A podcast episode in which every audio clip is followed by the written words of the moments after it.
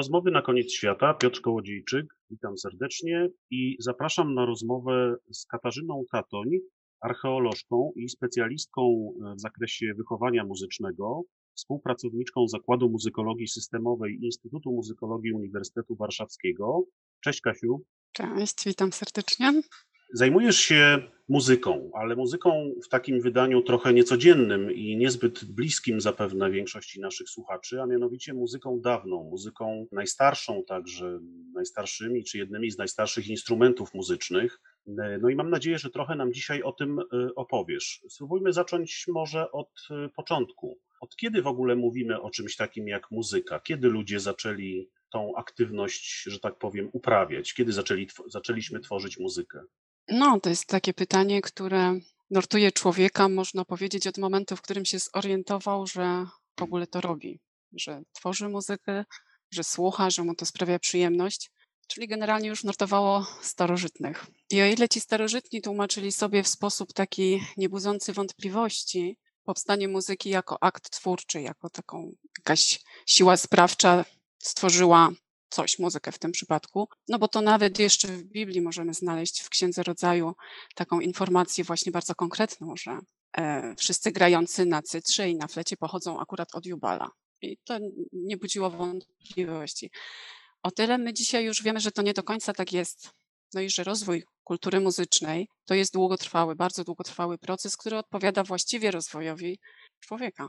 No właśnie, ja tutaj pozwolę sobie się wtrącić e, w Twoją wypowiedź, bo czytałem gdzieś, absolutnie nie będąc specjalistą w tym zakresie, czytałem gdzieś, że współczesne teorie dotyczące początków muzyki e, no, oscylują gdzieś w rejonie prób naśladowania dźwięków przyrody, porozumiewania się przy pomocy tych dźwięków, E, okrzyków różnego rodzaju, które e, ci nasi odlegli w czasie przodkowie wydawali z siebie, w, no, choćby w celu ostrzeżenia się czy poinformowania o jakichś, e, o jakichś wydarzeniach. No i te, te najstarsze dźwięki to są także takie bardzo proste rzeczy jak klaskanie, tupanie, no, uderzanie oczywiście różnymi przedmiotami, kamieniem, kamieniem o kamień czy patykiem o patyk tak według ciebie rzeczywiście się patrzy dzisiaj na te początki muzyki? No to się nam oczywiście z muzyką nie kojarzy e, stukanie kamieni. Nie, nie, ale to, ale... Ha, to mhm. z kolei ja zadam takie pomocnicze pytanie, e, co to jest muzyka? No właśnie, tak, właśnie, co to jest to muzyka? Jest, e, to jest właśnie ciekawe zagadnienie. Ja sobie przygotowałam słownikową definicję, że jest to dziedzina sztuki, której tworzywem artystycznym są dźwięki zorganizowane w kompozycyjną całość.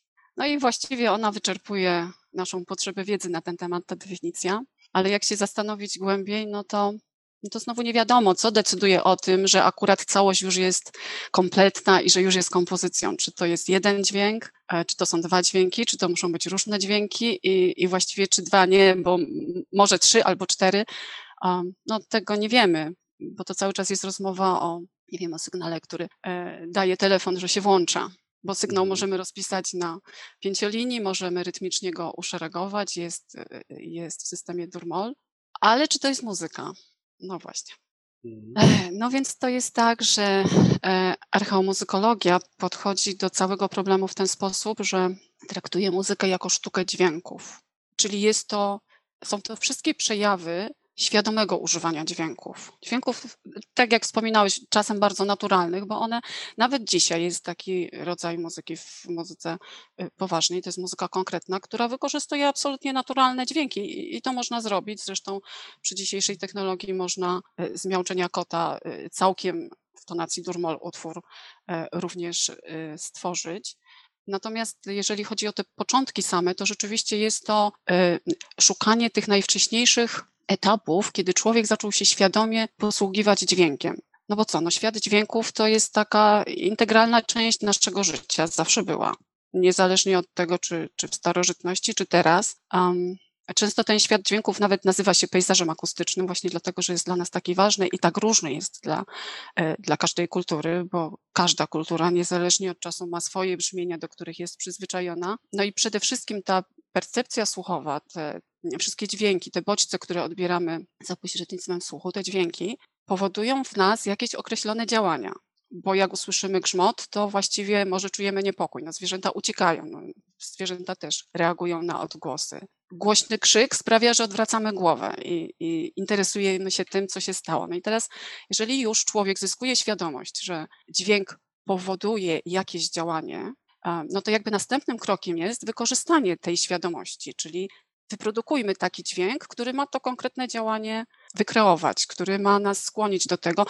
Nie musi to być konkretne działanie, może to być uczucie przyjemne ze słuchania, może to być ruch, jeżeli chodzi o jakieś taneczne, y, rytmy taneczne, mm, kawałki, a może to być smutek, tak? bo, bo te wszystkie emocje mogą być przekazane również za pośrednictwem y, dźwięku. W związku z tym ten dźwięk jest ważny, słuch jest ważny, komunikujemy się za pośrednictwem dźwięków. Te wszystkie wywody muzyki, instrumentów, y, z prostych działań, z prostych e, odgłosów, e, no też mówią o tym, że, że śpiewanie też się wzięło z tego, że ktoś mówił bardzo dynamicznie, bardzo emocjonująco, bardzo tak przeżywał i, i to dało początek właśnie temu, że, że zaczął śpiewać.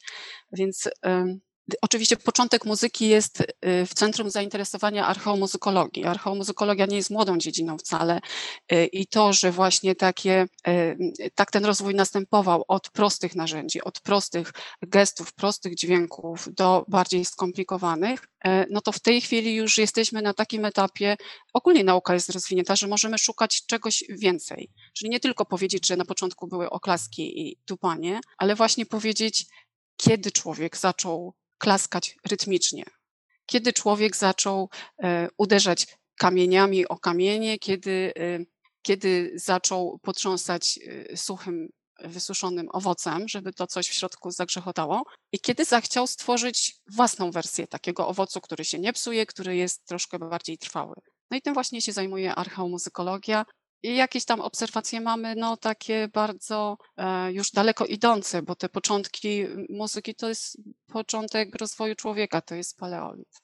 A instrumenty, wspomniałaś o, o tym przekładaniu owocu psującego się na jakiś, jakiś instrument zapewne, który już będzie trwały, coś w rodzaju grzechotki pewnie. E, no to, jak, to jak z tymi, e, to jak z tymi instrumentami jest? Kiedy się pojawiły pierwsze przedmioty, które można nazwać już instrumentami celowo wykonanymi po to, żeby. żeby Na pewno jest mhm. górny paleolit i nawet mamy e, w Polsce takie, takie zabytki, bo mamy gwizdek, tak zwany wabik, czyli coś, co zostało już stworzone ręką człowieka, który pochodzi z jaskini mamutowej w Wierzchowiu, a należy do przemysłu późno-oryniackiego. Skąd y, muzykolodzy czerpią wiedzę na temat najstarszych instrumentów muzycznych? Zapewne z odkryć archeologicznych, z znalezisk, ale może też z jakichś obrazów, no oczywiście od momentu, kiedy te obrazy się zaczęły już pojawiać. Tak, to są źródła wyłącznie archeologiczne, jeżeli chodzi o te naj, e, najstarsze etapy rozwoju. No, podlegają takim samym ograniczeniom jak wszystkie inne zabytki archeologiczne, czyli trzeba umieć je zinterpretować, bo Cóż to są? Z tych najstarszych okresów to są oczywiście tylko i wyłącznie pozostałości narzędzi dźwiękowych. Z młodszych, kiedy się pojawia pismo, no to już mamy więcej informacji, bo właśnie mogą być zabytki pisma. Mogą to być zabytki ikonograficzne, no ale tak najwięcej o instrumentach oczywiście czerpiemy y, z samych zachowanych instrumentów, co też nam nie daje mm, wiedzy takiej wprost, dlatego że y, wiele, zwłaszcza narzędzi dźwiękowych, mogło powstać z materiałów na tyle nietrwałych, że po prostu nie wiemy, że one istniały, bo nie były w stanie się zachować. No tak, mogły być na przykład z jakichś, z jakichś roślinnych materiałów. No z roślinnych, jeżeli z drewna, to jeszcze, jeszcze jakieś tak. tam szanse mamy, tak, kości mamy, natomiast jeżeli to były liście, no, tak. no to nie mamy szansy. A tak też mogło być. Zabytki są różne, bo każda kultura wytwarza własny korpus instrumentów, który używa to, co można powiedzieć, to to, że kultura y, tak starożytna jak Egipt, y, to jest kultura y, już rozwiniętego systemu muzycznego, bo, bo, w Egipcie występują właściwie wszystkie grupy instrumentów, a trzeba tu powiedzieć, że te grupy to my no, lubimy klasyfikację i takąż klasyfikację stosujemy, a klasyfikacja pochodzi z początku XX wieku. Jest to klasyfikacja Hornbostella Zachsa i ona zakłada funkcjonowanie pięciu grup E, instrumentów, i to możemy tu powiedzieć, to są idiofony, membranofony, chordofony, aerofony i ostatnia grupa, która powstała na gruncie tych e, poprzednich, a także e, no, możliwe jej powstanie było z postępem technologicznym, czyli elektrofony i one nas nie interesują właściwie. Natomiast te cztery pierwsze grupy to są instrumenty, które właściwie kompletnie występowały w każdym takim systemie muzycznym, jak starożytny Egipt. Wszystko to, co później już, już tylko rozwijało od formy prostszej do, do bardziej skomplikowanej, czy wreszcie do instrumentów profesjonalnych. No właśnie z, z tymi starożytnymi kulturami, no z Egiptem, z Bliskim Wschodem, ale także później z mm, kulturą grecką czy rzymską, kojarzą nam się chyba przede wszystkim takie instrumenty jak różnego rodzaju flety, jak instrumenty strunowe typu harfa czy lira. Czy to były rzeczywiście te rodzaje instrumentów, które Mhm. w tamtym starożytnym, e, mniej lub bardziej starożytnym świecie się pojawiały? Ja myślę, że, że jeżeli o Egipt chodzi, to mamy jeszcze Sistrum, o którym No nie tak. pamiętamy, a zakładając jednak, że chodzi nam o świat dźwięków i o sztukę dźwięków, to, to tak, to Egipt dla mnie jest kulturą Sistrum przede wszystkim. Może E, wytłumacz ale- naszym słuchaczom, co to jest sistrum. Bo nie, Sistrum to jest rodzaj grzechotki, ponieważ o czym jeszcze pewnie będziemy mówić, y, grzechotki są mi szczególnie bliskie. No to sistrum wśród grzechotek jest takie nie, niekoniecznie kojarzące się, bo to, co my z grzechotką kojarzymy, to tak naprawdę sklasy, sklasyfikowane jest jako gruchawka. To jest naczynie, grzechotka naczyniowa, czyli e, naczynie wewnątrz którego, bądź na zewnątrz którego e, są jakieś elementy grzechoczące i, i jest czara głosowa, która e, w tym momencie jest rezonatorem. Natomiast sistrum jest innego rodzaju grzechotką, której główna forma, ta podstawowa, niewątpliwie adaptowana w Egipcie, jest metalowa. Polega na tym, że jest e, e, łuk metalowy, na którym jeszcze dodatkowo są pręty zawieszone i potrząsając wydobywa się e, z takiego przedmiotu dźwięk. Egipt wykształcił też własną formę sistrum. Tak, do końca nie wiadomo, czy ona grała. Jest to jeszcze cały czas do rozstrzygnięcia. To jest forma fajansowa, której y, dość sporo egzemplarzy się zachowało, natomiast y, one nie zostały odkryte wcale z prętami czy z pozostałościami jakichś blaszek. A więc y, niewątpliwie Egipt to jest tak, to jest kultura sistrum, to jest coś takiego bardzo z Egiptem związanego i oczywistego, ale Egipt też bywa nazwany kulturą harfy, właśnie dlatego, że no, mnóstwo naprawdę typów wykształciło się właśnie w Egipcie. O instrumentach możemy powiedzieć jeszcze mm, z tego naszego ogródka, czyli o polskich instrumentach. No bo tak jak powiedziałam, w każdej kulturze właściwie starożytnej, tej rozwiniętej, już y, występowały wszystkie grupy instrumentów i to dotyczyło również Polski. Tu można wspomnieć, bo bardzo fajna rzecz miała niedawno miejsce, a mianowicie rok temu Muzeum e, Początków Państwa Polskiego w Gnieźnie zorganizowało wystawę pod tytułem właśnie kultura muzyczna w początkach państwa polskiego. I właściwie to był chyba pierwszy raz, kiedy w jednym muzeum zebrały się wszystkie rodzaje instrumentów, które we wczesnym średniowieczu y, funkcjonowały w Polsce. I jak się okazało, jest tego całkiem, całkiem sporo, bo na naszych terenach w, okresie wczesnopiastowskim z idiofonów mieliśmy i kołatki, i dzwonki, zawieczki dzwoneczkonwate, mieliśmy tarła, mieliśmy w końcu moje grzechotki naczyniowe. Potwierdzona jest obecność, chociaż nie ma mm, fizycznie zachowanego instrumentu, bębnów, ale mieliśmy też instrumenty strunowe, czyli liry, cytry. Jest potwierdzona harfa, aczkolwiek też nie ma jej fizycznie. Były lutnie, były rebeki i najliczniejsza grupa, czyli wszystkie aerofony, od takich nieoczywistych, czyli aerofonów wirujących, czyli tak naprawdę y, kawałków na przykład kości, które zawieszone na sznureczku wibrowały i przez to y, wydawały dźwięk. One nazywały się furkotkami, E, ale są też hetki, które budzą kontrowersje czasami przy e, interpretacji i o tym też jeszcze y, y, trzeba będzie powiedzieć. E, Żeby skończyć aerofony, to były w końcu piszczałki krawędziowe, czyli takie podobne do pojedynczych piszczałek z fletni pana, takie nie mające otworów, ale były też y, piszczałki już z ustnikami, y, były piszczałki wargowe, wabiki, no i wreszcie flety, które miały otwory takie, żeby dźwięki melodyczne m, wydobywać, żeby różną wysokość dźwięków osiągać. No i teraz do interpretacji. Bo ile my tych instrumentów mamy, to zależy trochę od tego, ile ich archeolodzy odkryją, a jeszcze bardziej od tego, ile zinterpretują jak, jako instrumenty. I tutaj się dzieją rzeczy, y, no, czasami takie nie, nie do przewidzenia oczywiście, natomiast nie wszystkie przedmioty potrafimy zinterpretować jako instrumenty i często one są przedmiotem jakby tych powtórnych wykopalisk w muzeach i okazuje się, że metalowy przedmiot, który trafił gdzieś do, do grupy no, niezidentyfikowanych, y, nagle się okazuje kluczem do strojenia jakiegoś instrumentu strunowego, ale na przykład w ten sposób zostały zinterpretowane chociażby trąbki z grobu Tutenchamona, czyli takie coś, co się wydaje, no trąbka, tak, jak można inaczej zidentyfikować.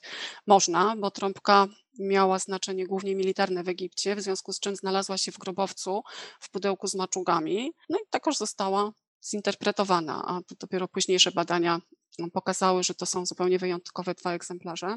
Znowu z naszego bliższego otoczenia w Muzeum Poznaniu, w Poznaniu, w Muzeum Archeologicznym, jeszcze całkiem niedawno E, był flet ze starożytnego Egiptu, pięknie podpisany. Natomiast dopiero oko muzykologa pokazało, że to tak naprawdę, no, flet to jest piszczałka, tak, ale to jest nie flet, tylko połowa aulosu i co więcej, druga połowa jest u właściciela, bo to depozyt był. Właściciel, czyli muzeum w Berlinie, miało dwa flety, więc się podzieliło jednym, a potem się okazało, że rozdzieliło po prostu kompletny instrument. Czyli raz trzeba się na tym znać, trzeba y, dobrze konsultować takie znaleziska. A druga sprawa jest jeszcze bardziej skomplikowana, bo tu już nie ma mocnych. W Gnieźnie na wystawie o początkach muzycznych państwa polskiego e, był między innymi flet, no taki bardzo XI-wieczny z Opola Piszczałka, bardzo ładna, pięknie zdobiony otwór, Otwór dość spory, 34 mm. Tak jak powiedziałam, starannie obrobiony, na tylnej ścianie korpusu otwór tak zwany kciukowy, czyli widzimy tak, no rzeczywiście przedmiot do grania. I teraz mamy e, dwie postaci. Jedna to jest Maciej Rychły, który jest człowiekiem znanym i który używa tych instrumentów, gra na nich i on ewidentnie pokazuje, że jest to instrument melodyczny, e, służący do muzykowania, do, do radości, do cieszenia się. No i jest e, pani Dorota Popławska, która e, no z drugiej strony jest świetnym specjalistą. Nie, może nie muzykuje na takich instrumentach, ale jest muzykologiem, jest archeologiem, świetnie zna się na rzeczy i interpretuje przedmiot jako wabik. No i tyle. Jaka jest prawda, no to. Nie dowiemy się albo przychylimy się do jednej wersji.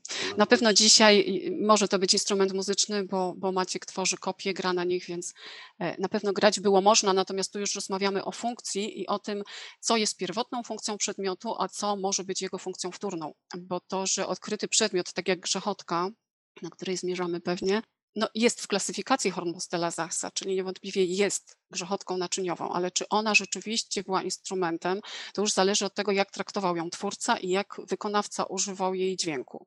Z drugiej strony mamy no, dużo późniejsze zabytki, ciągle archeologiczne, ale takie najmłodsze z terenów polskich grzechotki znane to są grzechotki z początku XX wieku, które występują na terenach, no właśnie, grzechotki, które nie wiadomo, czy były instrumentami tak naprawdę, czy były użytkowane jako instrumenty, ale na tym samym terenie e, są w tym samym czasie skarbonki, które biorą udział w kapeli góralskiej i którymi grzechocze e, e, muzyk po to, żeby, żeby wywołać konkretne działanie, czyli żeby słuchający usłyszał dźwięk, tak?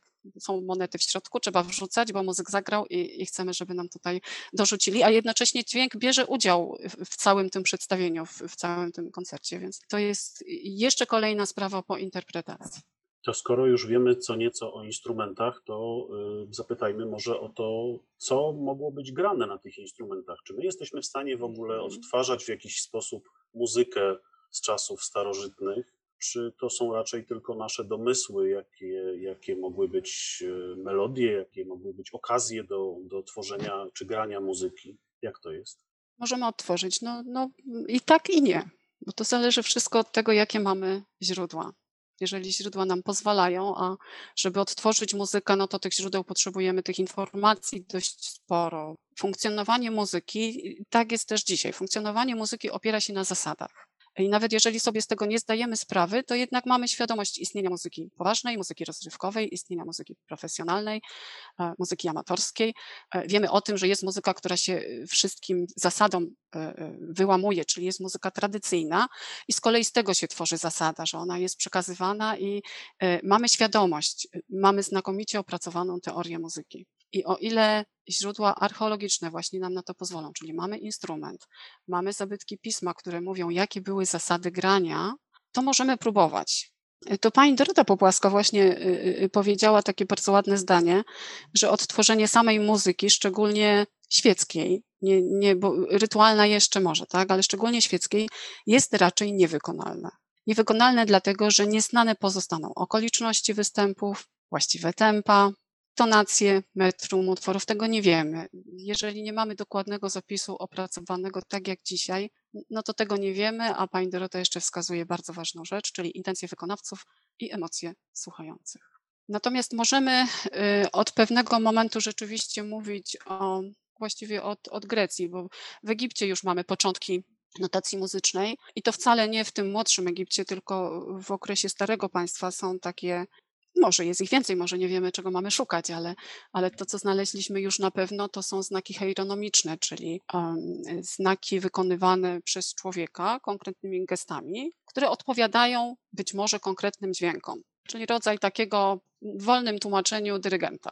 E, ale nie przez cały okres jest w ten sposób e, prowadzony, prowadzona notacja. Z, z tych młodszych okresów są kropki nad tekstem. O, my szukamy nut, bo dla nas one są naturalne, ale nasze nuty to jest późne średniowiecze, kiedy zaczynają się wykształcać tak naprawdę. Notacja muzyczna już funkcjonowała w Grecji i rzeczywiście z Grecji mamy jakieś, są próby nagrania utworów. Są próby nagrania utworów y, starożytnych z Egiptu, ale to, to ja jestem zdania takiego jak pani Dorota, że to są nasze pobożne życzenia, a nie to, co rzeczywiście mogło tam funkcjonować zaczęłaś już trochę o tym mówić. Jak, y, jak to było z tymi okazjami do tworzenia muzyki? Czy ta, te utwory muzyczne e, i instrumenty służyły raczej właśnie do celów rozrywkowych, zabawowych, tak jak my dzisiaj często muzyki słuchamy, czy miały mhm. wymiar ceremonialny, religijny, rytualny, a może jeszcze jakiś inny? To jest tak jak z całym, y, z całym y, życiem społeczności starożytnych. Tam bardzo często te wszystkie dziedziny właśnie i, i, ta sfera świecka i sfera duchowa, one się przenikały, więc trudno tutaj mówić o jakichś e, granicach wyraźnych, że pewne, pewne rzeczy są typowo symboliczne, a, a pewne instrumenty i pewne jakieś utwory e, typowo świeckie. E, no bo co tu dużo mówić, nawet w takim starożytnym Egipcie, jeżeli jest ceremonia świecka, no to religia na tyle przenikała życie, że i tak bóstwo było odpowiedzialne za to, jak się gra i, i za radość, która ma płynąć e, z tego grania. A więc jest to takie, no nie do końca można konkretnie odpowiedzieć. Niewątpliwie te wszystkie funkcje się przenikały i niewątpliwie instrumenty i, i zwłaszcza narzędzia dźwiękowe zmieniały swoją funkcję w czasie. Bo coś, co ładnie widać na przykładzie fletu, było początkowo piszczelą, na której ktoś zagrał, potem się stało piszczałką. Dzisiaj piszczałka to jest zabawka dziecięca, to, to nie jest instrument, a jednak jest protoplastą y, instrumentu, który dzisiaj no, w tej y, formie profesjonalnej wygląda i brzmi imponująco. Także wszystkie te narzędzia dźwiękowe niewątpliwie y, ja myślę, że tu, tu bardziej się koncentrują te badania, że one miały możliwość, bo nie możemy powiedzieć, że jeżeli y, społeczeństwo korzystało tylko y, z prostych narzędzi dźwiękowych, to ta muzyka była prosta nic bardziej mylnego, bo, bo póki co rytm ma tę przewagę nad melodią, że bez melodii sobie poradzi. Czyli posiadając właściwie cokolwiek, y, na czym można rytm wystukać, zaklaskać, y, potrząsnąć, y, zaszumieć, tak, wystukać, no to można stworzyć coś, co właściwie nawet dzisiaj jesteśmy w stanie nazwać muzyką i z czego korzystają dzisiejsi twórcy również. Powiedziałabym więcej, że zasada jest taka, że im prostsze narzędzie, tym właśnie więcej tego talentu i tej muzyki wymagają od twórcy. I daje to całkiem y, dobre efekty, czyli nie można tak powiedzieć, że proste narzędzia to, to prosta muzyka. Tam, gdzie mamy rzeczywiście y, zabytki i pisma, i, i zabytków sporo samych jakichś typu malowidła, reliefy, tak jak w Egipcie, to co powiedziałam, trąbka była związana z e, wojskiem. Oczywiście to nie było tak, że grali dla przyjemności w wojsku, tylko pełniła funkcję sygnałową, ale e, tak, na pewno takie funkcje pełniły inne instrumenty w innych kulturach. O Egipcie wiemy, że te trąbki nie wychodziły nigdzie dalej, ale to nie znaczy, że w innych kulturach e, nie zmieniała się funkcja takiego narzędzia, takiego instrumentu.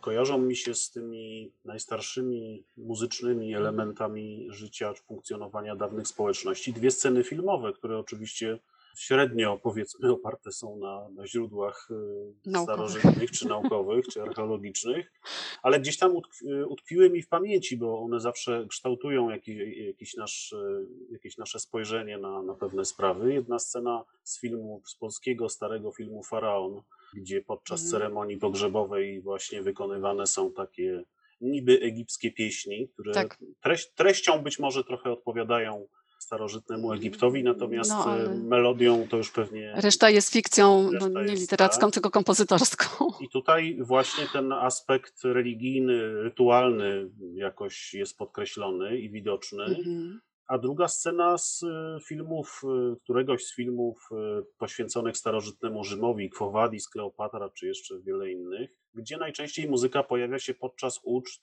podczas Mhm. e, no, takich wydarzeń czysto rozrywkowych, można powiedzieć. I, I tam też pojawiają się różne instrumenty. Taniec także do tego dochodzi. No i tak pewnie większość z nas tą dawną, najstarszą muzykę starożytną gdzieś postrzega, prawda? Filmowo to dołożę też cegiełkę w postaci historii świata Mela Brooksa, która powiedzmy tych wcześniejszych faz jeszcze dotyczy, kiedy człowiek pierwotny, nazwijmy go, odziany w, w strój pierwotny filmowy, w kamieniołomie przerzuca kamienie i uderza w stopę kolegę.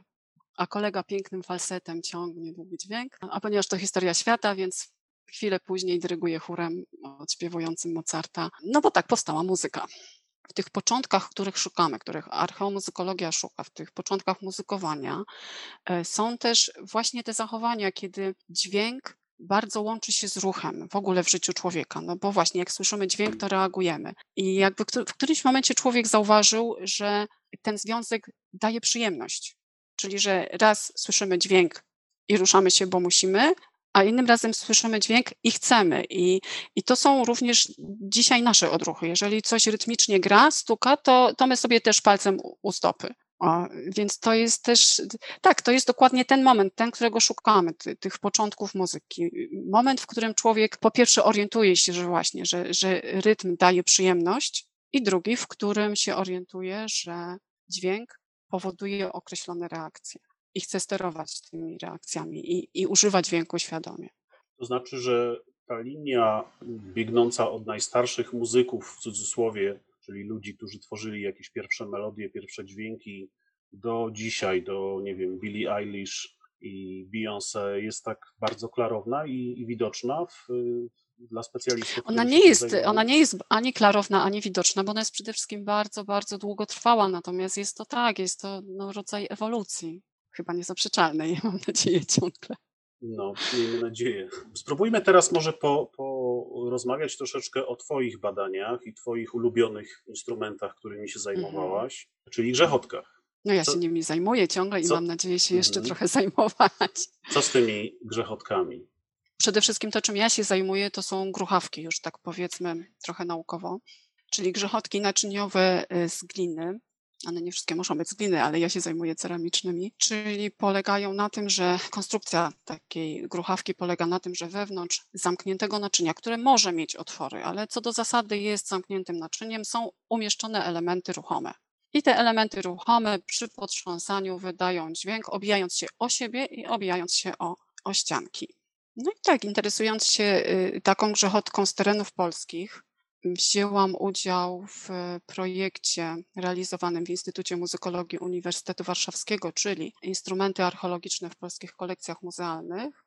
No i tak prozaicznie badając w ogóle stan posiadania nasz, jeżeli chodzi o grzechotki, ku naszemu wielkiemu zaskoczeniu zidentyfikowałam ponad tysiąc egzemplarzy takich grzechotek, co jest dość Które pokaźną nie były wcześniej liczbą. rozpoznawane jako grzechotki. One tak? są, one są rozpoznawane Aha. jako grzechotki, natomiast to są grzechotki po pierwsze z różnych okresów, a archeologia, mm, co ty możesz myślę bardziej podkreślić, ma warstwy poziome, tak bym to nazwała, czyli są specjaliści od konkretnych okresów, czyli niekoniecznie specjalista od, od epoki kamienia będzie się kwieciście wypowiadał na temat wczesnego średniowiecza. Więc jakby tutaj nie było tej analizy pionowej takiej przez wszystkie y, okresy. W ten sposób powstawały typologie, bo, bo typologie grzechotek, grzechotki są zabytkami archeologicznymi i te, które ja badałam. I W związku z tym one podlegają no, normalnie analizom archeologicznym i, i typologicznym i um, każdym innym. No i spojrzenie takie kompleksowe, tak, pie, pierwsze zdziwienie, pierwsze zaskoczenie y, przyszło takie, że jest tego dużo. Trochę tutaj o dosłownie kilkanaście egzemplarzy może być zawyżona ta statystyka, ale zupełnie świadomie, dlatego że jakimś zbiegiem okoliczności ustawami, e, e, ustawa polskiego prawa oczywiście o zabytkach i ochronie zabytków archeologicznych na to pozwala, a mianowicie te najmłodsze, ja już wspominałam, są z przełomu XIX i XX wieku, zostały wyorane na polu z ziemi, więc są zabytkami archeologicznymi. Czyli mamy te najmłodsze, a najstarsze są neolityczne, czyli z y, tego całego przekroju od neolitu po, po czasy dzisiejsze mamy dość sporo grzechotek, z których no, typologicznie są różne systemy utworzone, bo, bo oddzielnie dla epoki brązu, oddzielnie dla e, wczesnego średniowiecza, zupełnie są pominięte wcześniejsze, bo, bo właściwie były w muzeach i tak nie do końca zdawaliśmy sobie sprawę z tego, że istnieją. Często mi się zdarzało w muzeach zapytać, czy, czy mamy, czy w ogóle mamy badać, czy są te grzechotki. I odpowiedź padała tak, jest kilka. Po czym jak już przychodziło do formalizowania, do, do zapytania, to się okazywało kilkanaście, a, a po odwiedzeniu muzeum się okazało kilkadziesiąt.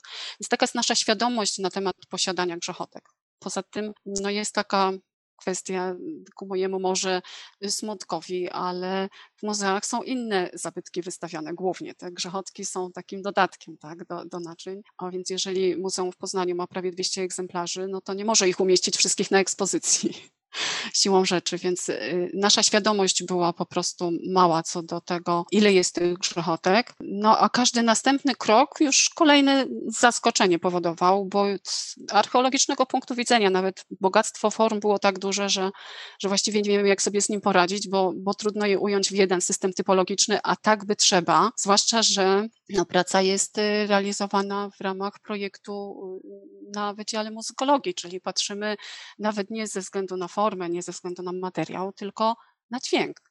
Grzechotki z y, terenów polskich, grzechotki, które są w polskich muzeach, są niesamowite.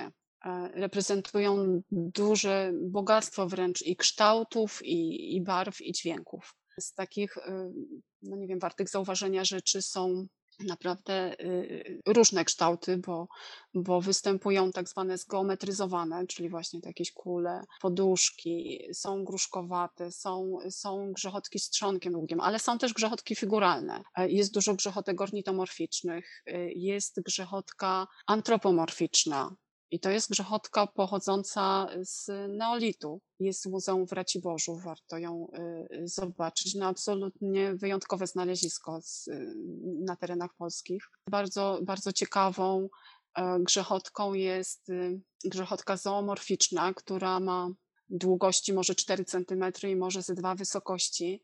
I jest to przedmiot, który ciągle wydaje dźwięk. No dodatkowo, jeżeli jeszcze wiemy, a wiemy, że pochodzi z grobu dziecka, to rzeczywiście y, przy, przy tych badaniach włączają się emocje. To, to nie tylko to, no że tak. dźwięczy. Zresztą, y, co tu dużo mówić, no, no jako archeolog y, to, to dobrze sobie zdajesz sprawę, że wyciągając taki przedmiot z ziemi, w momencie, kiedy się nim potrząśnie i on zagrzechocze, no to, to też nie jest taka praca pozbawiona zupełnie emocji, zwłaszcza jak się to wyciąga z grobu. Więc z takich fantazyjnych kształtów, kształt naczynia, wazy z, madłami z boku, a mówimy o przedmiocie, który ma 5 cm, może 4 wysokości.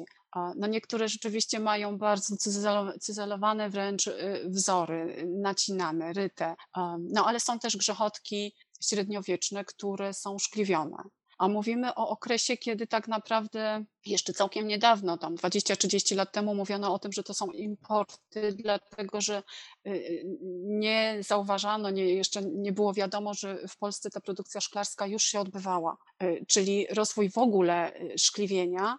I w tym momencie te grzechotki też są szkliwione, czyli, czyli stają się z przedmiotów bardzo popularnych, bardzo takich łatwych do wykonania, z takiej po prostu zwykłej gliny, przedmiotami, które wymagają niesamowitej wiedzy technologicznej. No bo mój Boże, szkliwienie się dopiero rozwija, dopiero kafle powstają pierwsze, jesteśmy daleko od szyb, a tu już powstają e, grzechotki, które są szkliwione, które są fantazyjnie y, zdobione. To nie jest tak, że jest polewa jednokolorowa szklana, tylko one bardzo często mają jeszcze wzór jakiś, y, jest zastosowany jakimś albo drutem nałożone drugie szkliwo, albo rylcem przeciągane właśnie po takim drucie, gdzie się y, wzory uzyskuje. No i niewątpliwie trzymamy w rękach wtedy przedmiot wyjątkowy i luksusowy, no bo jeżeli tu się rozwija dopiero e, cała technologia, a my mamy taką grzechotkę, no to nie jest to przedmiot tak zupełnie pospolity i, i nie przedmiot dla każdego. E, zaczęliśmy nagrywać ich dźwięk. Właśnie miałem pytać o to, w jaki No sposób do, do tego tematu podeszliście i jak, jakie dane zbieraliście na temat tych grzechotek. Najprościej było pozbierać to, co już ktoś zebrał i opublikował, bo one w dużej mierze są publikowane. E, No ale to nic nie wnosi nowego, a już na pewno nie, e, nie z punktu widzenia muzykologicznego. Tak naprawdę są to pierwsze szeroko zakrojone prace archeomuzykologiczne. To nie znaczy, że nikt wcześniej nie nagrywał, mm, bo już profesor Sylwester Czopek takie próby podjął i rzeczywiście nagrał dźwięk trzech grzechotek. y, Natomiast to jest to, co zrobił. Nagrał i, i zinterpretował na tyle, na ile potrafił. Jakby następny krok czekał, żeby go uczynić, ale, ale jeszcze był wstrzymywany aż do naszych prac.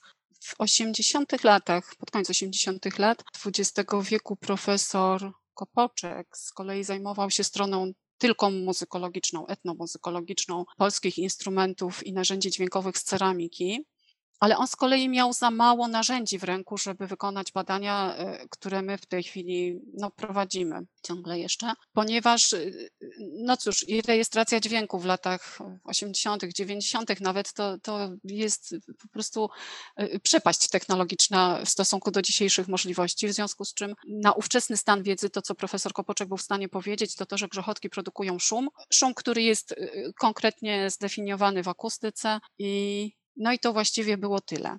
To, co się stało po naszych pierwszych nagraniach, to po pierwsze, no w pierwszych jeszcze nie brałam udziału, natomiast pani profesor e, Gruszczyńska-Ziółkowska no, dokonała bardzo fajnego odkrycia, ponieważ się okazało, że po pierwsze grzechotki są, można powiedzieć, strojone, czyli to nie jest tak, że produkują szum, bo szum nie ma określonej wysokości. Określoną wysokość ma dźwięk, którego widmo zawiera tony składowe. I te tony składowe w grzechotkach są.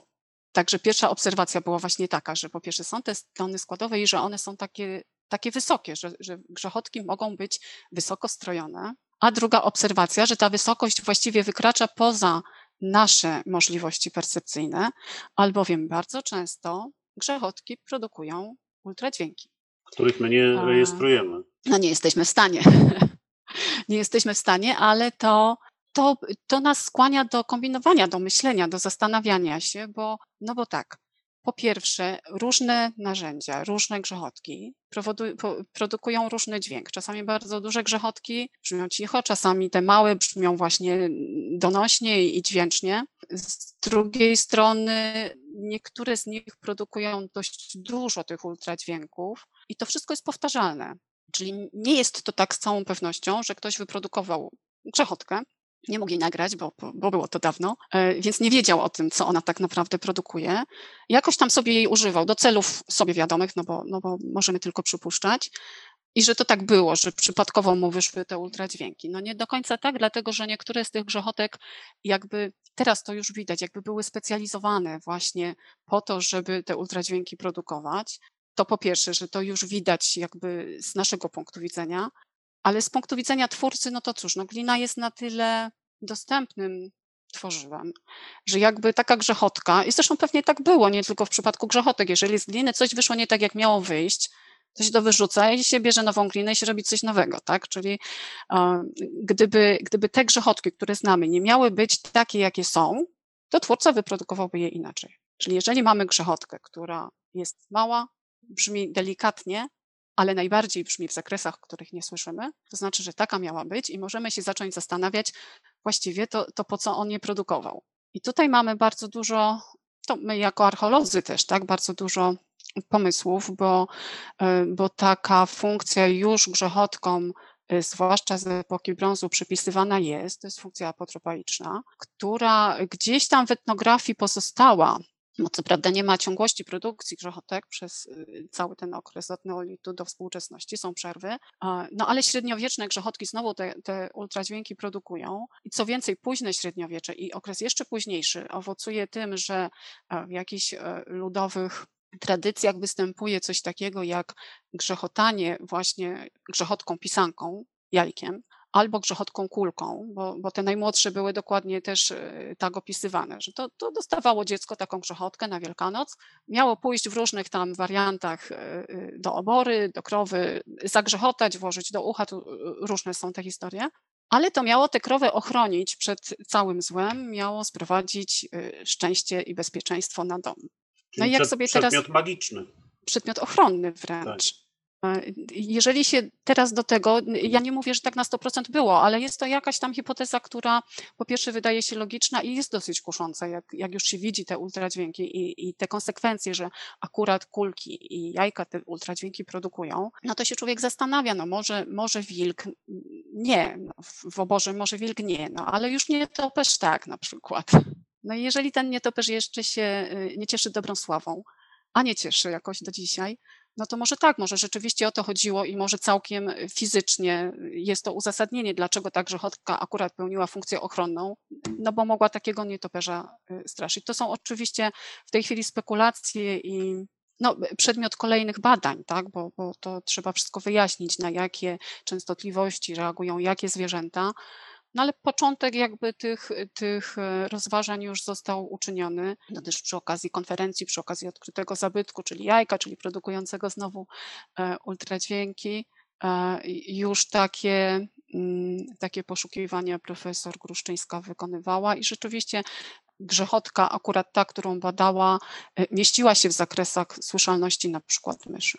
No właśnie, bo, bo tak się zastanawiałem, jak opowiadałaś o tych, o tych sprawach, że przecież dla większości z nas y, hasło grzechotka no jest symbolem jakiejś takiej zabawki, która się z małymi dziećmi kojarzy, z y, czymś w rodzaju no niemalże gryzaka, który małe dziecko dostaje, on tam sobie grzechocze, mhm. E, co, co, co zwraca uwagę dziecka. A tutaj e, okazuje się, że te grzechotki, o których mówisz, których y, tak wiele znajduje się, jak się okazuje, w polskich muzeach, miałyby głównie tą funkcję magiczną, rytualną. Miałyby też.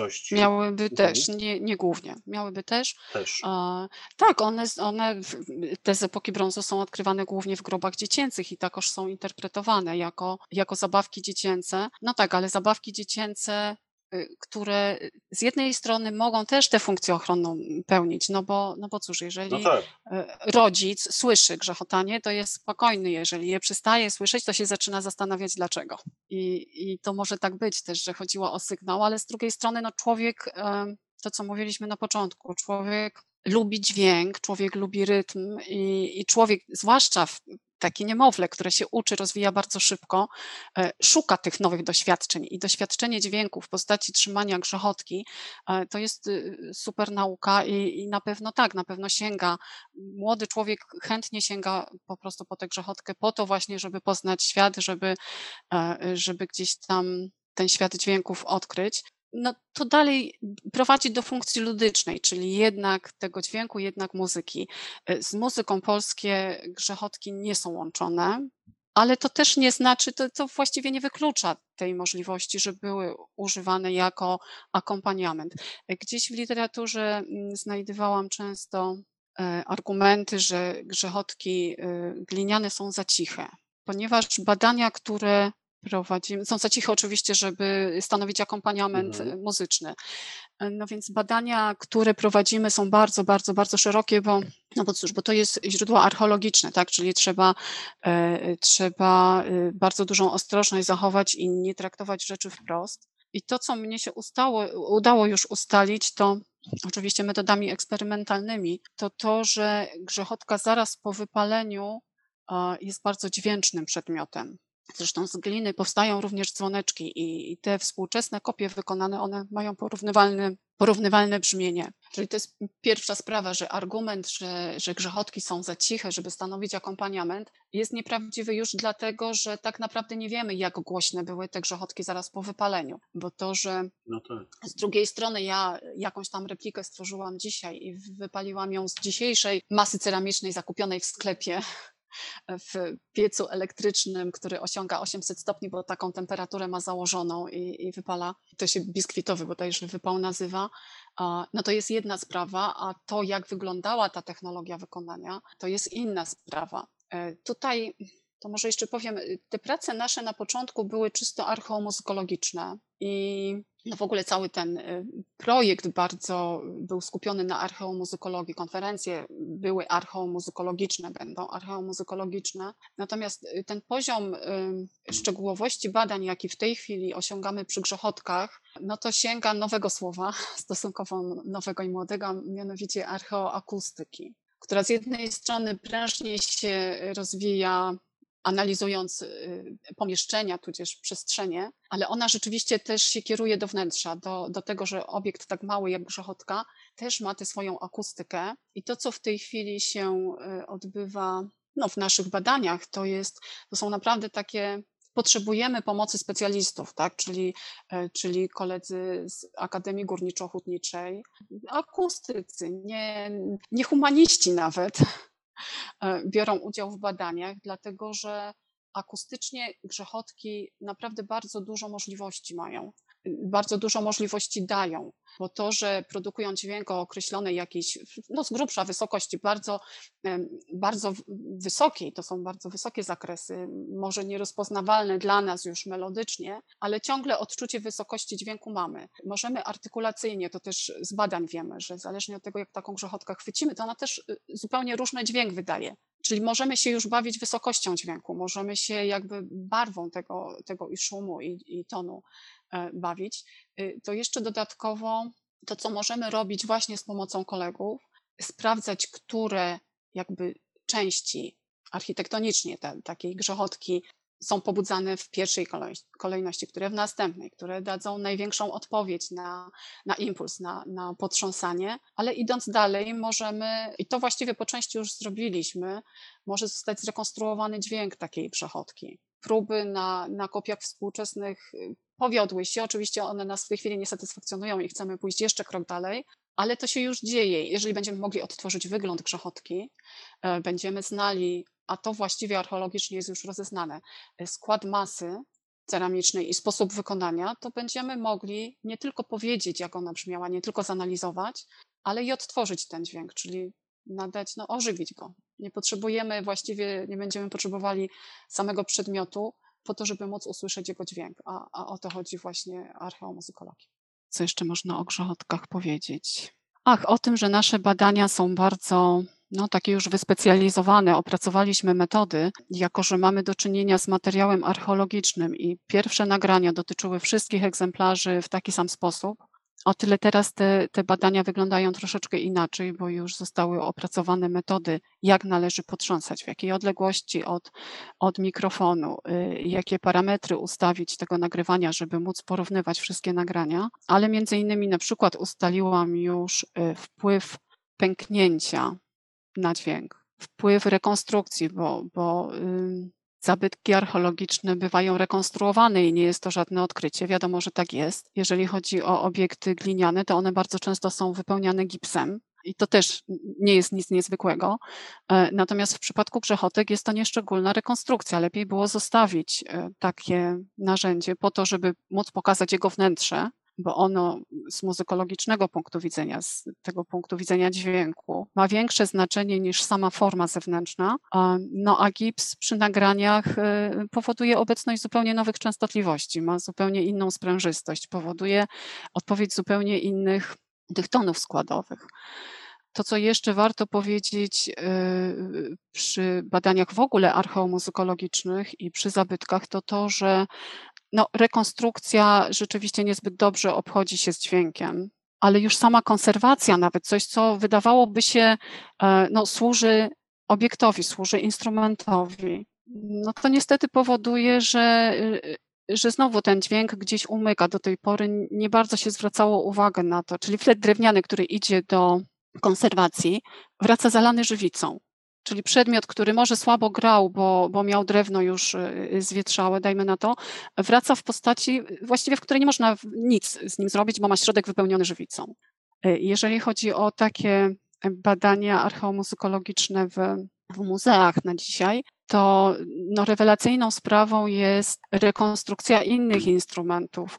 Y, w ramach programu koleżanki i koledzy, ale głównie koleżanki, dokonały rzeczy e, niesamowitej. Mianowicie we Wrocławiu w muzeum jest e, kawałek fletu, kawałek, dosłownie jedna z części długości 10-15 centymetrów. No i powiedzmy laik potrafi stwierdzić, tak, jest to kawałek fletu, ale jakiego fletu, to już, no to już trzeba troszeczkę więcej wiedzieć, że, że może poprzecznego. E, natomiast to co, to, co zrobiły e, koleżanki, to było odnalezienie konkretnego modelu, konkretnego projektu, konkretnego fletu, Oczywiście za pomocą modelowania 3D takiego komputerowego, no bo, no bo trudno inaczej, ale efekt ostateczny jest w postaci wydruku 3D. Czyli e, oprócz tego, że możemy z jednej strony próbować rekonstruować dźwięk, i, i, myślę, że na dzisiaj efekty są na tyle satysfakcjonujące, że po pierwsze będziemy na pewno kontynuować pracę i zamierzamy osiągnąć sukces, czyli ten dźwięk dołożyć, to możemy rekonstruować sam przedmiot. W przypadku fletu, gdzie trzeba dużej wiedzy, dużej znajomości, y, wręcz śledztwa, tak, szukania nie tylko projektów fletu na malowidłach, y, przedstawień i tak dalej, rekonstruujemy ten flet, to jest ok, ale jest kwestia piszczałek, y, no właśnie, piszczałek z kości, takich paleolitycznych gdzie właściwie wiadomo, że nie damy przedmiotu y, y, do ręki y, zwiedzającym muzeum, a już na pewno nie pozwolimy tam dmuchać w ten przedmiot, e, a przede wszystkim nawet nauko, jako naukowcy nie wiemy, jak został opracowany środek, czy w ogóle został opracowany. Więc jeżeli teraz stosujemy nowoczesne techniki do badania takich przedmiotów, czyli skanujemy 3D, czyli tomografię komputerową, tomografię rentgenowską, stosujemy, możemy w ślad za tym właśnie wydrukować 3D taki przedmiot, no to taką kopię 3D, może i nie z tego materiału, bo może plastikowa, ale już możemy rozciąć i się przekonać, że kość w środku nie była obrabiana że mhm. tam w środku wystają jakieś elementy. Dzisiejsze technologie dają naprawdę bardzo, bardzo dużo możliwości e, archeomuzykologom i, i kierują archeomuzykologię w kierunku akustyki bardzo.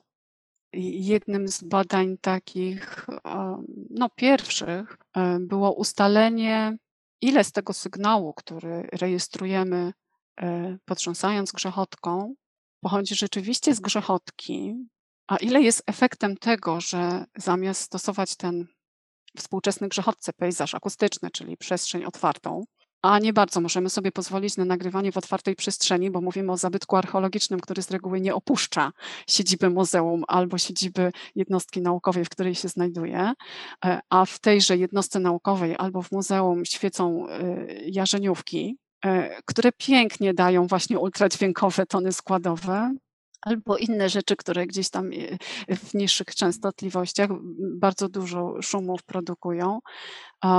Więc żeby po pierwsze zobaczyć, jak rzeczywiście wygląda ten sygnał, czysty, bez zanieczyszczeń, a z drugiej strony, żeby ocenić też skalę tych zakłóceń, bo jeżeli ta zjarzeniówka jest obecna w e, całym wykresie, to ja jeszcze ją widzę, może jej nie wytnę, ale ją widzę. E, natomiast jeżeli to są inne odbicia, które następują impulsowo, tak jak ja pobudzam grzechotkę, no to, to nie zdaję sobie sprawy, co tak naprawdę nagrałam z grzechotki, a co pochodzi z innych źródeł. Mhm.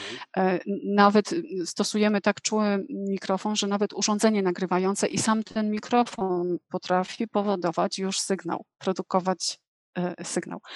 I żeby właśnie ocenić skalę tych zanieczyszczeń i zobaczyć, jak ten dźwięk wygląda, udaliśmy się do komory bezechowej Akademii Górniczo-Hutniczej w Krakowie. To jest dokładnie mała, e, mała komora bezechowa Katedry Mechaniki i Wibroakustyki Akademii Górniczo-Hutniczej w Krakowie.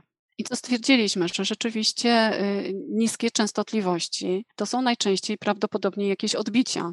Odbicia fal od przegród, od tego, że jesteśmy w pomieszczeniu zamkniętym, że są meble i jak nagrywamy w, w tejże małej komorze bezechowej, te doły nam zupełnie znikają. Doły, czyli powiedzmy częstotliwości do, do 1000 Hz. Co jeszcze? Materiałowo. O, w epoce brązu w, na terenie Polski e, występuje takie zjawisko jak powtórne przepalenie. To jest zjawisko, które no, jest przedmiotem rozważań archeologów i, i wysnuwania różnych, e, różnych tez. Może to było tak, że grzechotki też ulegały powtórnemu przepaleniu. Może to było tak, że po prostu leżała grzechotka na, na ciele, na stosie i, i razem z nim płonęła.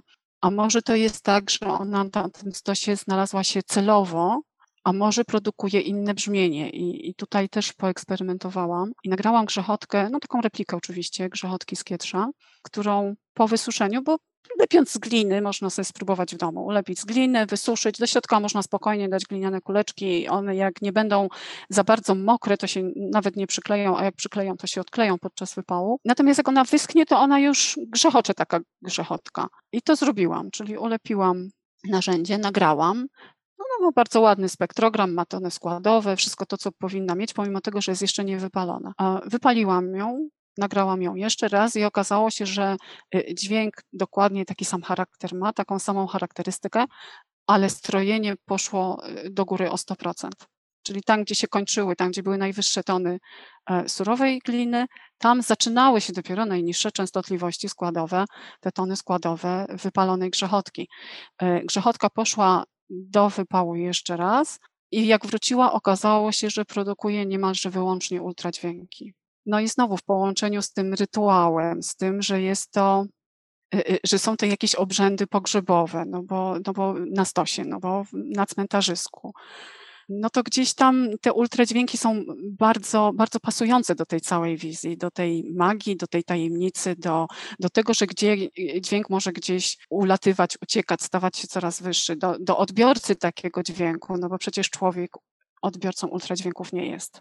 Są grzechotki, które, y, tak jak niektóre naczynia, y, mają przewiercone otwory, Czasem jest to wątpliwość, kiedy te otwory powstały, na pewno po wypaleniu, ale czy, czy zaraz po wypaleniu, w, wtedy, kiedy powstały grzechotki, czy, czy dużo później, to y, czasem budzi wątpliwość, a czasem nie. Czasem jest tak, że pośród zupełnie zdrowych naczyń nakrytych mistą znajduje się grzechotka z otworem. No i kolejna sprawa, otwór ma wpływ na akustykę.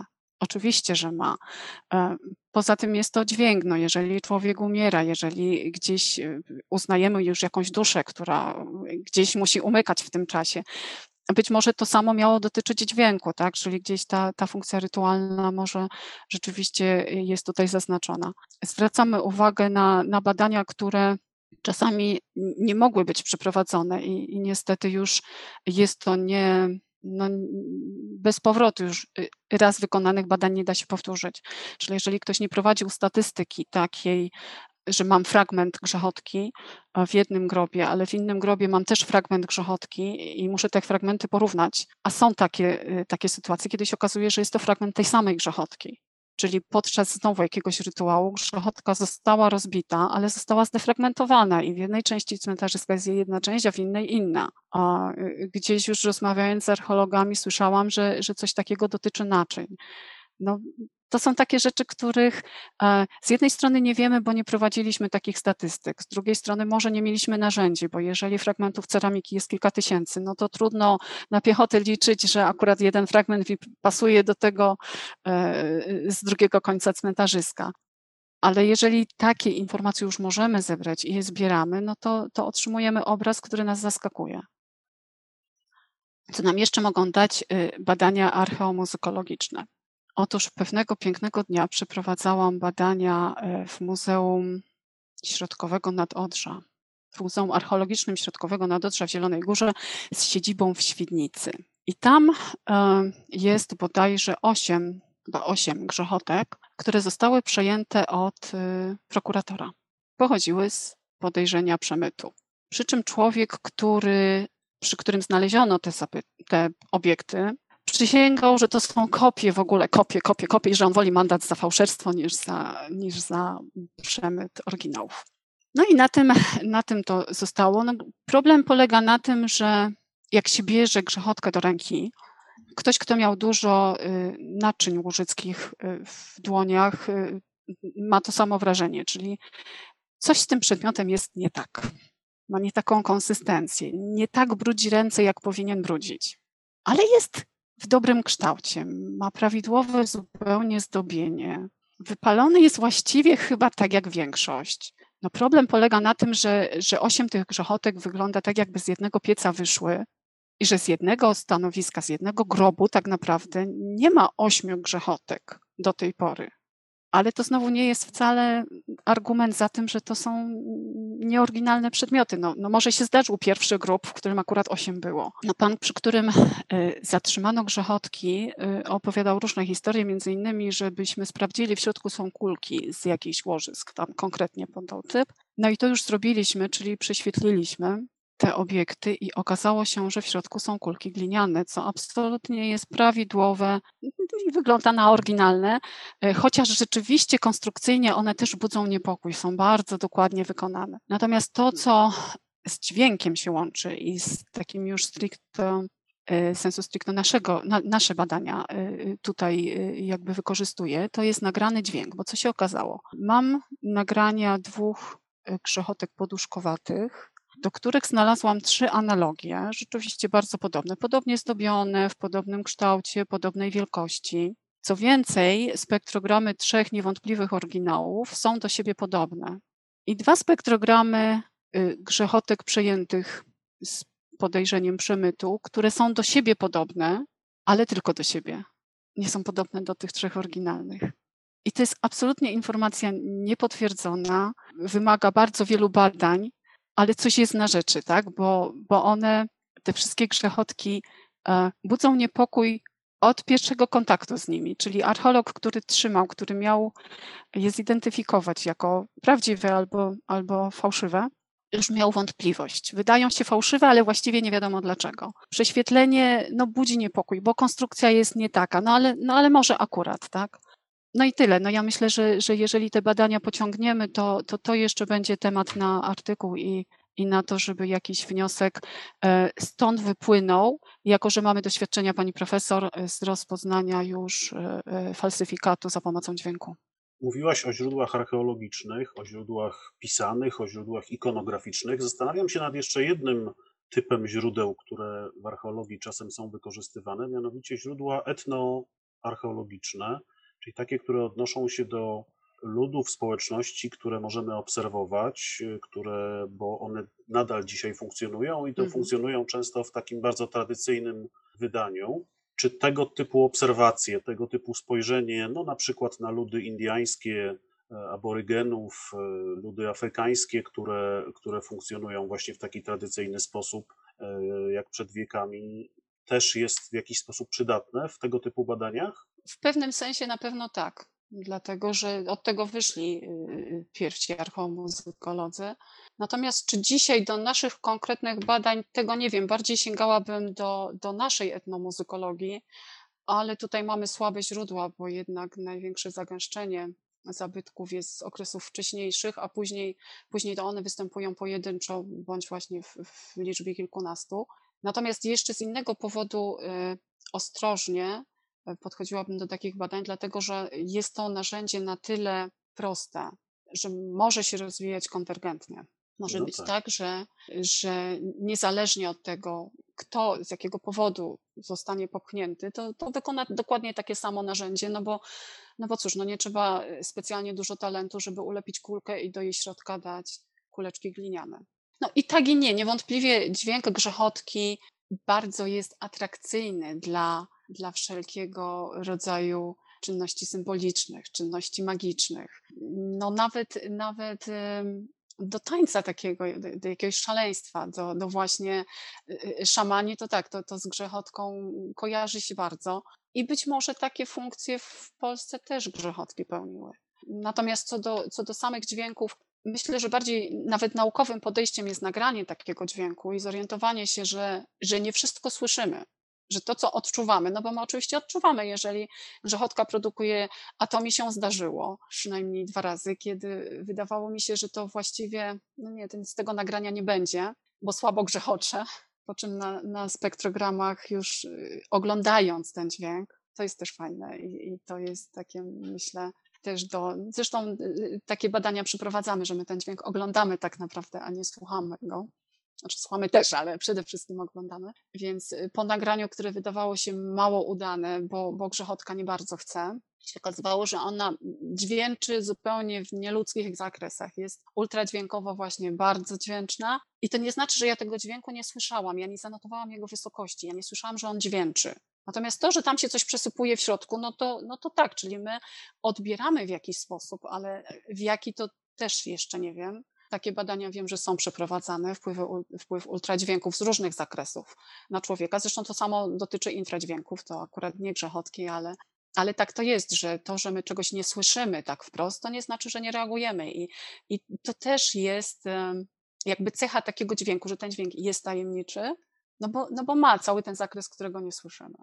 Nie bez powodu pytałem Cię o te obserwacje etnoarcheologiczne, bo tak sobie pomyślałem, zmierzając też do y, podsumowania naszej rozmowy, że mm, obserwując być może, obserwując y, te społeczności, które żyją dzisiaj w taki tradycyjny, dawny sposób, możemy wyciągać wnioski co do roli dźwięków, roli muzyki w ich funkcjonowaniu, mm, kiedy ona się pojawia i jaką rolę odgrywa, czy jest ważna, czy jest tylko dodatkiem do jakichś innych wydarzeń.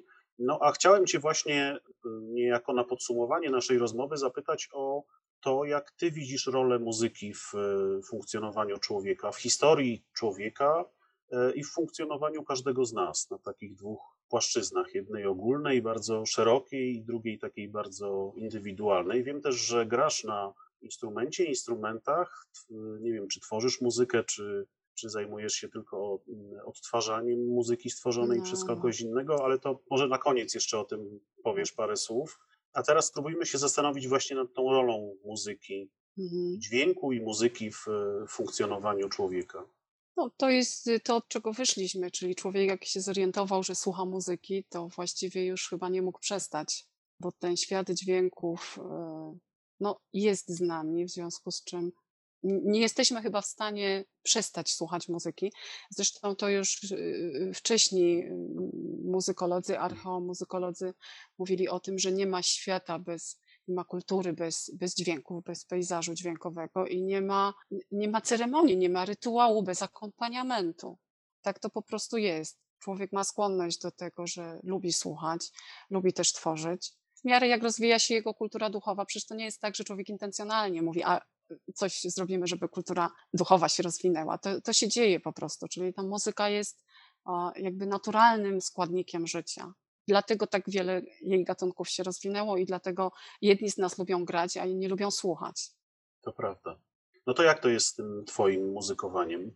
No, odtwarzam, zdecydowanie odtwarzam. W tej chwili akompaniuję głównie e, córce flecistce i czerpię z tego bardzo dużo przyjemności. Ale grasz na na jakim fortepianie. Na fortepianie.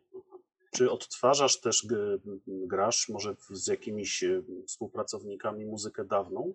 Czy, czy taką bardzo dawną? Nie, natomiast bardzo usilnie y, pracuję nad ożywieniem grzechotek. Dlatego, że y, no, na grzechotce można dużo, mam nadzieję, kiedyś to pokazać. No, gotowa jeszcze nie jestem, ale pracujemy nad tym, żeby, żeby tak pokazać muzykę grzechotek, bo no, można poszukać czegoś, co się nazywa egg shaker albo czuks chyba się nazywają takie piłeczki grzechoczące, na których naprawdę no, potrafią cuda zrobić perkusiści. No to tradycyjne pytanie na koniec, które zadaję wszystkim. Jakie są Twoje naukowe plany, marzenia? Co chciałabyś, no częściowo już o tym powiedziałaś, co chciałabyś tutaj zbadać czy odkryć w kwestii grzechotek, ale może jeszcze jakieś inne masz plany? E, wydaje mi się, że, że jestem na dobrej drodze, żeby pomimo właśnie braku ciągłości występowania grzechotek, czyli właściwie pewności, że, że to nie jest tak, że grzechotki się rozwijały w Polsce od neolitu do XX wieku, bo przerwy były na tyle duże i na tyle różne są te zabytki z poszczególnych okresów, e, że na pewno ciągłości rozwojowej nie ma, to jednak uchwytny jest y, rozwój typów dźwięku. Czyli poszczególne formy, nawet jeżeli one się niezależnie rozwijały, to już było w, w, twórcach. Mogło nie być w międzyczasie grzechotek, albo być z innych materiałów mogły te grzechotki, ale, e, ale pewne typy dźwięków e, się powtarzają. To jest rzecz powtarzalna i mam nadzieję no, do jakichś konkretnych wniosków dojść w związku z typologią dźwięku. Przyszło mi do głowy jeszcze jedno pytanie. Czy, czy środowisko badaczy właśnie archeomuzykologów, archeoakustyków jest e, licznym i prężnie działającym środowiskiem w naszym kraju, czy jesteś raczej jedną z niewielu osób, które się Nie, no jesteśmy zajmuje? bardzo prężnie działającym środowiskiem, e, niezbyt licznym, ale coraz, coraz liczniejszym.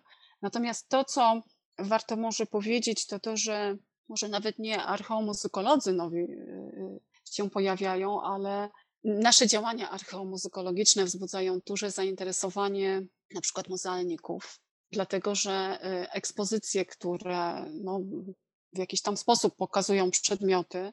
Często mówią o tym, że, było, że była jakaś tam kultura właśnie duchowa, ale pokazują tylko pozostałości materialne. I w momencie, kiedy, a takie próby pierwsze są już e, za nami, kiedy dołącza się do ekspozycji dźwięk, to ona nabiera życia.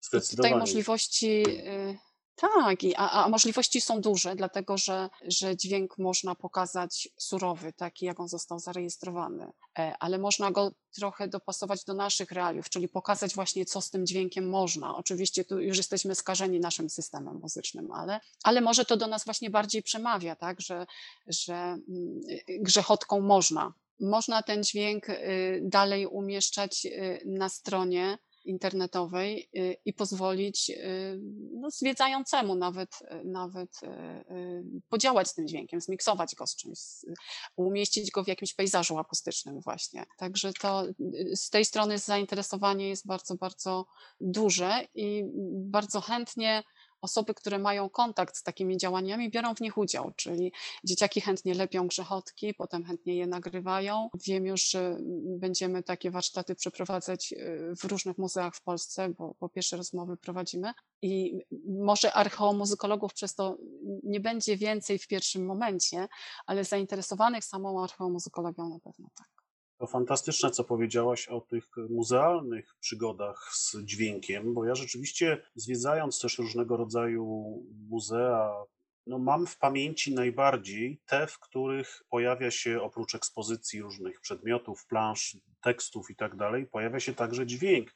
Niedawno, tu, znaczy niedawno, tuż przed samą pandemią miałem okazję w Ammanie w Muzeum Jordańskim oglądać wystawę poświęconą nauce arabskiej, historii nauki arabskiej. Mhm i e, no, dźwięk, który tam był no, jakby dołączony w poszczególnych pomieszczeniach do tego, co się w nich znajduje, czyli to były albo dźwięki miasta na przykład, e, e, tak, rozum, rozmów, tak, albo mhm. dźwięki urządzeń różnych, które tam były prezentowane na tej wystawie, a także muzyka, która się pojawiała. Muzyka oczywiście mhm. bardziej współczesna i taka arabska, tradycyjna muzyka arabska, ale no wykonywana współcześnie i, i nagrywana przez jakieś miejscowe zespoły, ale to tworzyło tak niesamowity klimat. E, zupełnie jak, różną atmosferę. Tak, zupełnie odmienną atmosferę, zupełnie inaczej percepcja funkcjonuje w takim, e, w, taki, w, takim, w takim otoczeniu.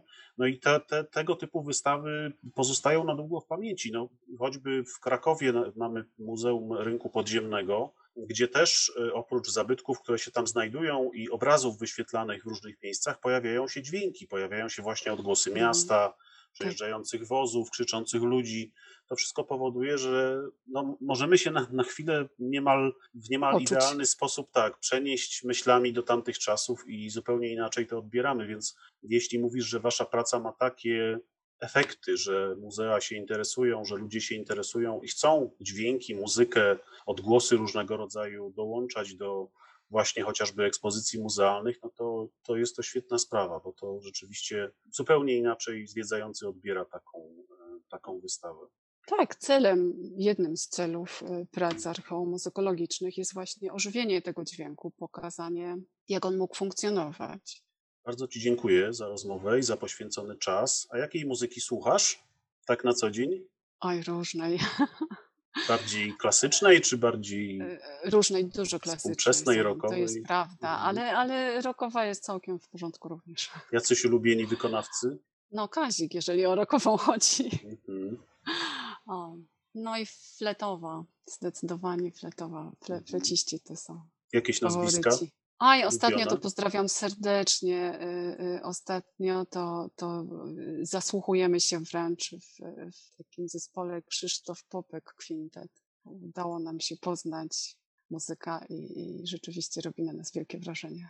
A czy te twoje, czy wasze eksperymenty i nagrania muzyczne można gdzieś usłyszeć? Można gdzieś zobaczyć jak takie grzechotki brzmią, Będzie no bo jeśli można. będziemy, jeśli będziemy w mhm. muzeum, to Będzie z gabloty ich można nie wyjmiemy. jeszcze, nie, nie wyjmiemy oczywiście, ale, ale mm, y, tak, to i, i jednym z celów naszych prac y, jest, ale też wynika jakby z, no już ze współpracy z muzeami, że oczywiście, że y, chcemy, żeby nasze nagrane dźwięki wzbogacały ekspozycję. E, No ekspozycje też się nie zmieniają z dnia na dzień, dlatego to wszystko jest w toku i mam nadzieję, że y, no, pierwsze, pierwsze próby już y, były podjęte, bo w Gnieźnie już można było posłuchać. E, Mam nadzieję, że niedługo następne muzea dołączą do, do tego właśnie programu ożywionych dźwięków. Świetnie. Bardzo Ci dziękuję jeszcze raz. Życzę powodzenia we wszystkich planach i zamierzeniach Dziękuję grzechotkowych i za innych. zaproszenie. No i do usłyszenia. Do usłyszenia.